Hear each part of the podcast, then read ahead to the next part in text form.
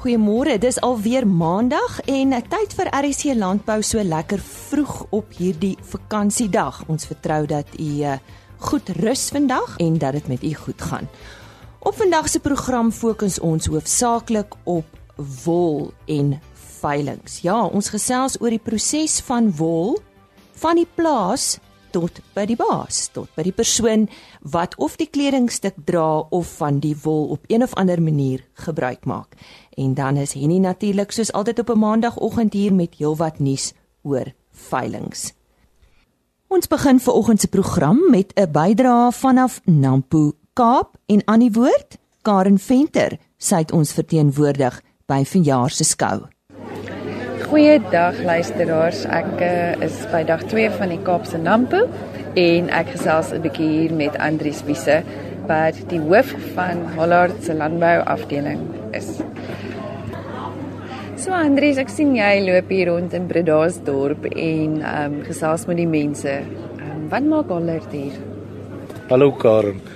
Weet jy ja, ek is al verduidelike teken so om my persjas, maar dit is eintlik baie eenvoudig. Nampo Kaap is mos nou waar die landbou gebeur vir hierdie week in die Wes-Kaap. En is so 'n ongelooflike vertoonvenster vir wat in die wêreld gebeur, wat in die landbou gebeur Jy weet ons huil en kerm en kla oor die droogte en 'n klomp goed en ten regte ook so. Maar dis heerlik as 'n mens vir 2, 3 dae hier rondloop en jy sien hier's 'n gees van positiwiteit. Die wind waai maar die ouens het 'n lied in die hart.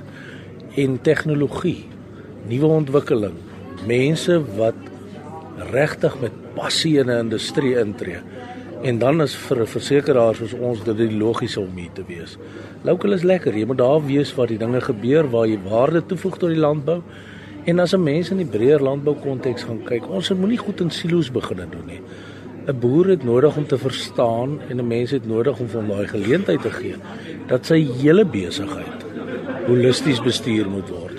Dit sluit sy finansiële beplanning en dit sluit sy korttermynversekering, sy lewensversekering die klomp bates, die trekkers wat hy nou hier kom koop, kyk en bewonder, die bakkies, die karre, die vaste eiendom waaroor hy beskik. Al daai goedjies hak aan mekaar vas en jy kan hulle nie jy kan hulle nie van mekaar skei nie.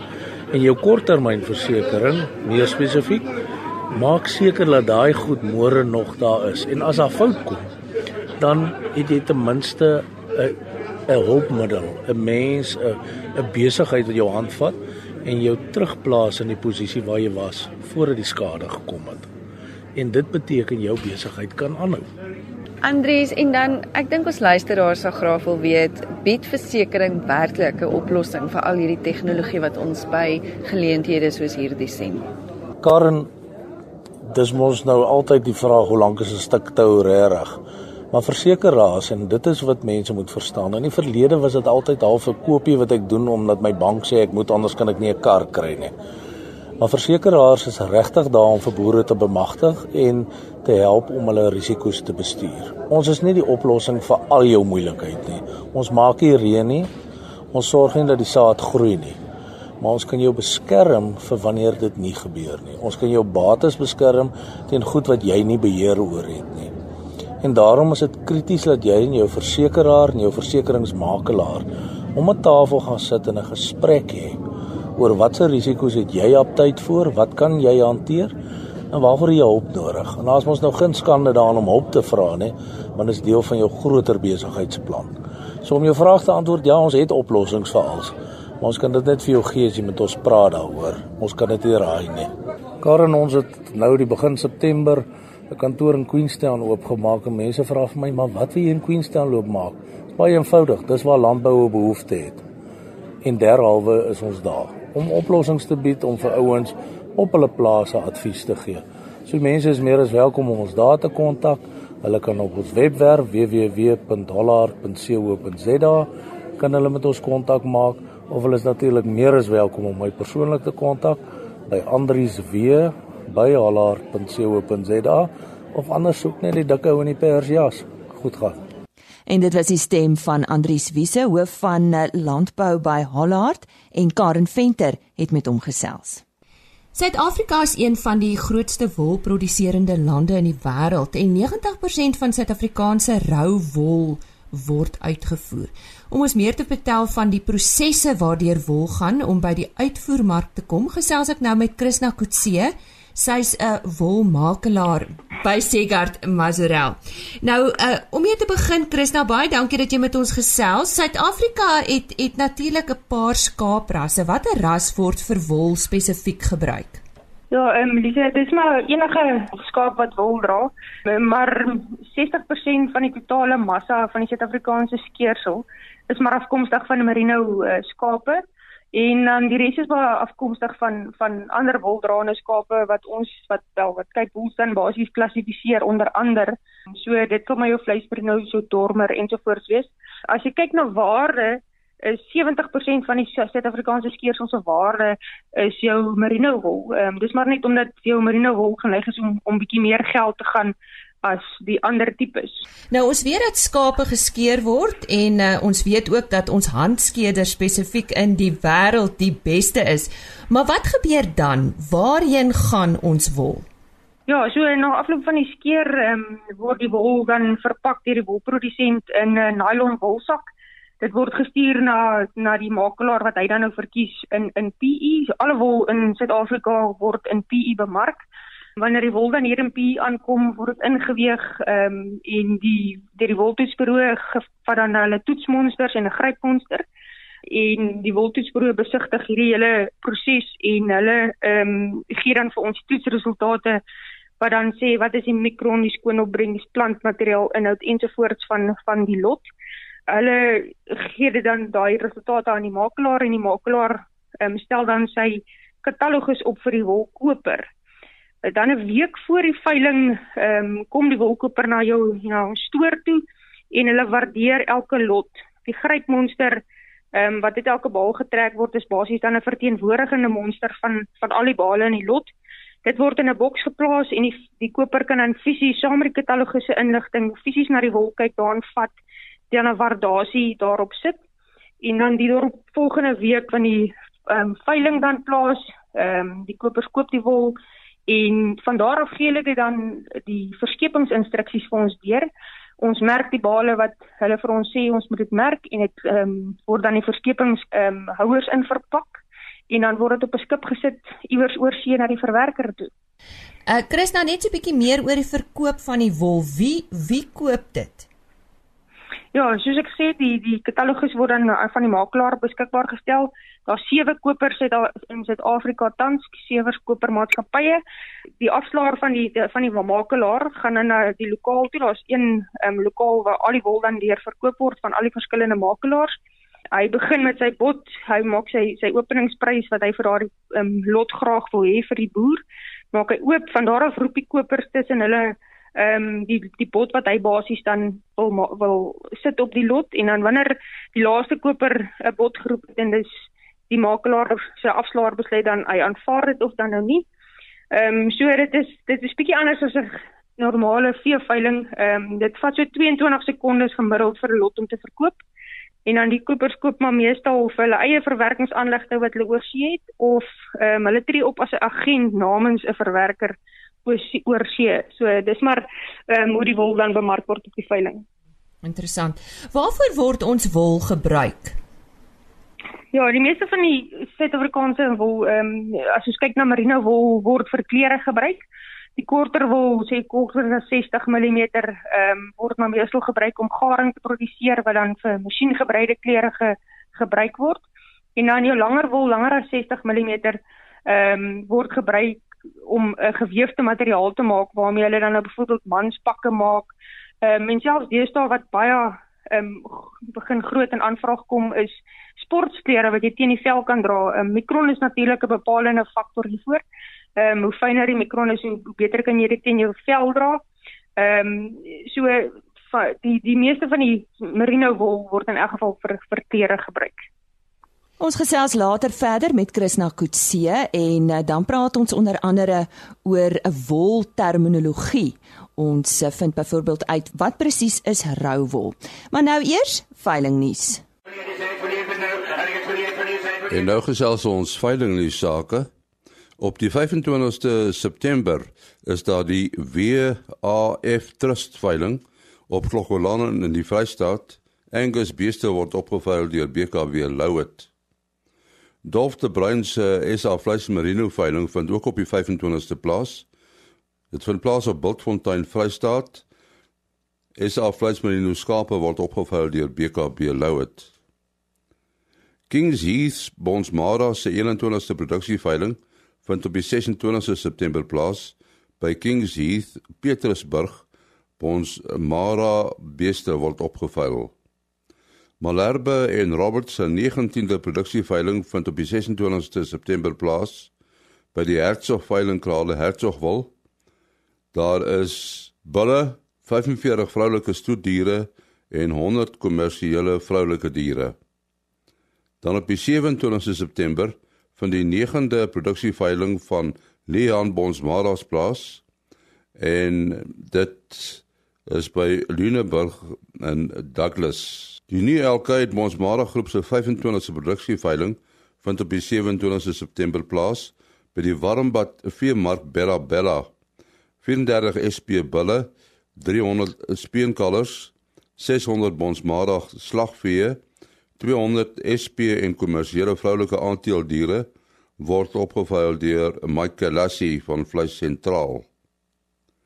En die 28ste September is dit die Meyer Morgan veiling op Adelaide in die Oos-Kaap Brangus beeste word opgeveil. Tot sover veiling nuus. En hy is ook later terug met nog nuus oor 'n veiling. Ons gaan nou voort met ons wolgesprek. Nou in die bedryf soos in elke ander bedryf, julle julle eie taal en terminologie. Kom ons kyk bietjie daarna en gesels daar rondom. Ek dink nou maar aan rou wol. Waarna verwys ons as ons praat van rou wol? Ja, as ons um, na rou wol verwys um, of ook soos um, dit bekend staan as vetwol. So dit is basies die wol wat van die skaap afkom. Hy hy's nog vetterig, hy't nog die plantmateriaal in, hy's vol sand, hy't stof in. Ehm um, so die verskil tussen jou rou wol en jou skoon wol is basies jou skoon opbrengs. So as jy die wol sou was, al daai daai persentasie van ehm um, wolvet, sand en stof wat jy sou uitwas, is basies jou skoon opbrengs verskil. Ehm um, dis 'n persentasie wat die woltoetsbureau vir jou gee. Hulle toets dit en hulle gee dit vir ons deur. Ehm um, so as ons 'n voorbeeld sou vat, ons het 10 kg se vetwol, so dit is hoe hy van die skaap se rug afkom en die skoonopbrengs daarvan is 70%, dan gesit gewas het, dan gaan ons 7 kg se skoonwol daaruit kry. En dan weet ons en ons ken die woord skeer, net so 'n bietjie meer daaroor, word ons skape net een keer 'n jaar geskeer? Ehm um, nie noodwendig nie. Ons baie ehm um, boere wat dit nog so doen en uh, dit werk vir hulle. So Ehm um, wat skeerpatroon aanbetref, dit is absoluut die boer se keuse, dit is wat die beste gaan pas in sy bestuurspraktyke en wat vir hom ekonomies sin maak. Die mees algemene skeerpatrone is by elke 6 maande, 8 maande, partykeer elke 10 maande of dan nou 12 maande. Of partykeer gebruik boere die kombinasie van van eh, ehm uh, skeerpatrone of skeersiklusse wat hy sê nou maar 2 8 maande en 'n 10 maande sou skeer sodat hy nou nie in die moeilike wintertyd sou skeer nie of om 'n lammery te omseil of so iets. En kom ons praat oor gradering, waarna verwys ons? Ja, gradering of soos ons maar verwys na klassering. Ehm um, dis maar wanneer die wolvag ehm um, van die skaap se rug af kom. Ehm um, dit word uitgegooi op 'n tafel, opgebreek en dan in verskillende gedeeltes. So gebaseer op plantmateriaal, sy lengte, sy mikron, ehm um, klasseer die die klasser dan die wol ehm um, in sy in sy gedeeltes in die die vagte is gewoonlik die beste gedeelte van die vag en dit is gewoonlik aan die sye van die skaap. Dan jou ruggedeelte word maar gewoonlik uitgehaal omdat hy bietjie meer verweerd is en bietjie meer plantmateriaal sou in hê. Lopense is onder wat nou bietjie meer op die klitse en die goeder sou optel en dan jou urine en misbevlekte wol aan die agterkant word dan ook op sy eie geklasseer. So dan die verskillende gedeeltes word dan saam verpak ehm um, en gemerk met 'n spesifieke simbool en dit word dan so be so bemark. So elke tipe het het sy simbool waarvolgens hy dan geklasseer word. En hoe word wol gewas? Jy het vroeër daarvan gepraat. Ja, ehm um, die proses in Engels staan bekend as scouring. Ehm um, ek het probeer gaan kyk vir 'n ordentlike Afrikaanse woord, maar dit is maar die proses wat ons die wol mee was. Ehm um, nou ons moet verstaan dat dit soos 'n koek wat ons bak. Ehm um, ons het 'n spesifieke resep wat gevolg moet word anders gaan die koek te droog wees of te plat of hy gaan ook gebrand wees. So die verwerker kies sekere wol wat dieselfde styl het, dieselfde lengte, dieselfde mikron min of meer en want hy moet by 'n sekere eindproduk uitkom. So die wolbale word dan oopgemaak en ons moet onthou hierdie wolbale was hoë digtheid gepers, so hulle is ongelooflik ehm um, saamgepers. Ehm um, dit gaan deur 'n masjien wat soos vingers is wat nou net so bietjie die die wol oopmaak en dan gaan dit in die in die wasbakke in. Nou die wasbakke het 'n omgewingsvriendelike wasmiddel in en dan ook so die temperatuur van elke wasbak verskil. So dit gaan in die eerste wasbak in, hy gaan nou natuurlik die vuilste wees, dan word dit bietjie droog gedruk, dan gaan dit in 'n tweede wasbak in. Daar's so sewe wasbakke waar dit deur gaan. Ehm um, maar dit is nie soos 'n wasmasjien wat rof werk met die wol nie. Ehm um, sodra ons begin aan wol vryf dan uh, vel dit. So dit is nie goed nie. En dan gaan dit deur 'n droër soos wat ek wil nou sê so gewone tuimeldroër is nie. Ehm um, maar baie selfde beginsel en dan as dit wol is wat nou 'n bietjie baie saad materiaal in het of plantmateriaal dan ehm um, gebruik hulle swaalsuur ehm um, deur 'n proses wat hulle verkoeling noem om van die plantmateriaal ontslae te raak. So dan is die wol basies gewas en hy's droog. Hy het nog sy plantmateriaal in en hy sal nog ander bietjie veiligheid in het, maar die wolvet en alles is uit. Bly ingeskakel want uh, so 'n bietjie later gesels Krishna Kutse verder en dan praat ons onder andere oor carding. Nou dit is soos die borsel of kam van wol. Nou eers nog veilingnuus. Ons gesels uh, veilingsake met Frik Venter en ons gaan met hom praat oor die nuwe Alkaid Bonsmara veiling. Wanneer vind hierdie veiling plaas, Frik? Dit vind plaas die 27 September. Uh 11:00 die oggend by die Warmbad se veemark. Vertel ons meer van New Alkaid. Is dit 'n Bonsmara stoet of is dit 'n groepveiling? Dit is 'n uh, groepveiling bestaan uit 14 teelers uh waarvan 'n paar kommersieel is, maar die meerderheid is stoetteelers. So ons aanbod bestaan ook uit kommersieel en stoet. En hoe lyk die aanbod? Uh soos gewoonlik, dis die 25ste produksieveiling. So dis nou nie die eerste keer dat ons nou die veiling hou nie. En ons glo dat ons met elke veiling doen ons beter as die vorige veiling en ek moet sê die aanbod is baie baie goed. Bestaan uit 31 stoetbulle. Daar's 200 uh stoet en kommersieel vroulike aandeel alle produksiestadiums. Dan is daar 400 vet ons mara slagvee wat die uh abattoirs se monde sal laat water hierdie tyd van die jaar. Dit vet mos maar 'n bietjie skaars en dan is daar so 400 ons mare speenkalvers vir die voerkrale en die manne wat wil wat wil voer. Ja, so dit klink my na 'n groot geleentheid, nê. Nee. En nie dit is so, dit is uh, in die noorde is dit die grootste ons mare veiling wat elke jaar plaasvind en ons het twee van hulle in Februarie het ons weer weer 'n veiling en van die soortgelyke omvang. So ja, ons glo dat kwaliteit en die hoeveelheid wat jy aanbied elke keer as dit konstant is, trek jy die regte kopers. Word net weer die datum en miskien 'n kontaknommer. Die datum is weer dis die 27 September 11:00 die oggend by die Warmbad se veemark en my kontaknommer is 083 266 1108 vir enige navraag. Al sê Frek Venter, weer daai nommer 0832661108. Dankie Henny en nou uh, praat Krishna Kutse van Segard Mazarel verder. Sy is 'n wolmakelaar. En dan het ek al gehoor van 'n woord carding. Wat is dit? Ja, carding ehm um, is die proses wat dan volg nadat ons dit gewas en droog gemaak het. So dit is nou soos jou hare wat gekook is. Ons probeer nou die wol in dieselfde al die wolveseltjies probeer ons in dieselfde rigting kry um, dat hulle parallel langs mekaar lê sodat ons een aanlopende string wol kan vorm. So dit is wat carding is. Ehm um, dis twee groot rollers wat ehm um, sulke naalde op het wat in teenoorgestelde rigtings dan nou rol en dan kom dit basies die wol dat hulle nou almal mooi in dieselfde lyntjie lê. Soos as jy hare borsel. Uh, dis maar die dieselfde ding wat 'n haarborsel doen. Hy, hy maak net jou hare mooi in dieselfde lyn. Ehm um, so wanneer die proses wanneer die wol dan nou deur die proses is, is dit mooi een aan een lopende ehm um, string wol. Baie van die plantmateriaal is al uitgekam. Ehm um, en dan gaan dit basies na jou jou volgende proses wat dan jou kam is. Ehm um, die 12 van hierdie kaardet stringe gaan dan saam in na die kamme toe en dan word die kort veseltjies en dan die res van die plantmateriaal word dan uitgekam. En dit vorm dan 'n mooi sterker aaneenlopende string ehm um, wol wat dan niks plantmateriaal het nie. Ja, soos jy vroeër gesê het, heelwat van die terminologie is nou maar in Engels en dit is moeilik om dit te vertaal. Dan praat hulle van finishing and drawing. Wat is dit?